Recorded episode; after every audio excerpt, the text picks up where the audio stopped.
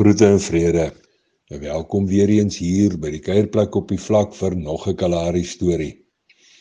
My naam is Haie Kronje en ek in die mooiste mooi woon, werk en kerk hier aan die Kalahari kant van die land. Vanmiddag lees ons 'n baie bekende gedeelte uit Matteus 11 uit. En meer spesifiek vers 29 en 30 en ons lees dit in die Afrikaanse 2020 vertaling. En daar staan geskrywe: Neem my juk op julle en leer van my, omdat ek sagmoedig en nederig van hart is, en julle sal rus vind vir julle gemoed, want my juk is draaglik en my las is lig. Vanmiddag se storie se naam sê net sorry.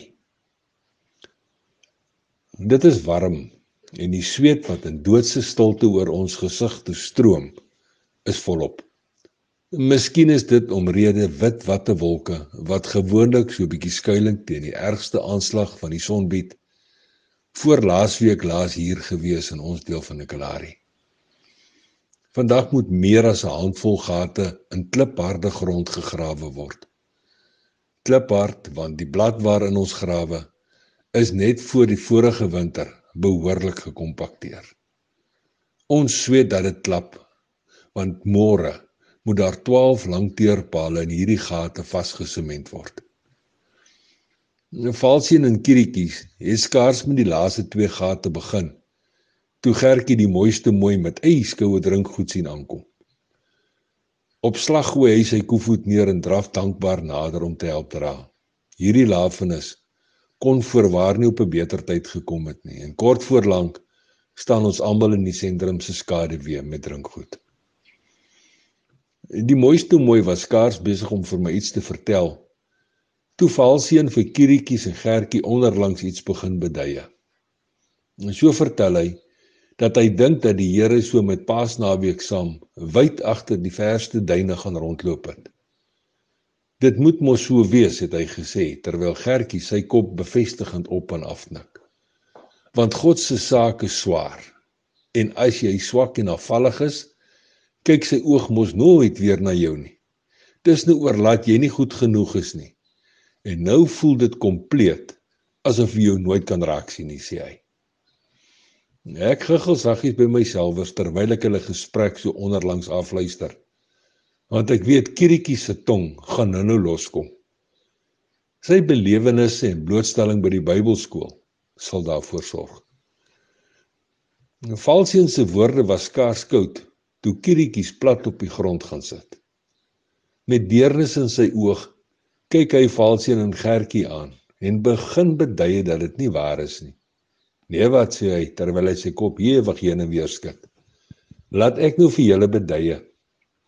Die Here is so na aan my soos my laaste voetspoor. As enige van julle agter daardie verste duine is, is dit omrede julle daar rondloop. Onse Here Hy loop nooit rond nie. As daar nie murg in julle pype is nie, is dit omrede sy saak nie te swaar is nie. Dit is omdat julle nooit geleer het om sorry te sê nie.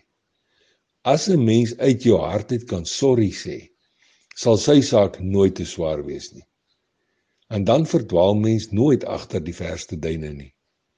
Jou laaste voetspoor sal altyd langs die Here se wees en sy spoor sal altyd langs jou spoor lê. Terwyl die dag moeg moeg en die skemerte wegraak, herinner die Heilige Gees my saggies daaraan dat Jesus per geleentheid gesê het dat sy las lig is en dat sy juk sag is. Op slag besef ek dat Valseën en Gertjie se verdraaide sieninge asook diegene wat soortgelyke oortuigings deel, dit tog so verkeerd het as toonbeeld van 'n liefdevolle verhouding met alle gelowiges kan ons God geensins ontoeganklik wees nie nee o nee hy wil eerder die teenoorgestelde wees want prestasie en verdienste het geen waarde vir hom nie. Die Here wil jou en my en ook vervalseën en Gertjie se redder wees die een wat ondersteun waardeer genees verlos bevry en selfs met vergeldingsdade red. Hy wil ook die held wees wat onvoorwaardelik liefhet, omgee, koester. Hy wil vertroetel, intrek en omvou. Die een wat alles doen wat hy beloof het, die een wat droom om Here te wees, om om jou Here te wees. Jy jy moet net so skieretjies beduie uit uit jou hart uit kan sorry sê. Nou ja toe. Tot 'n volgende keer. Los mooi spore en sandkorrel by seëninge.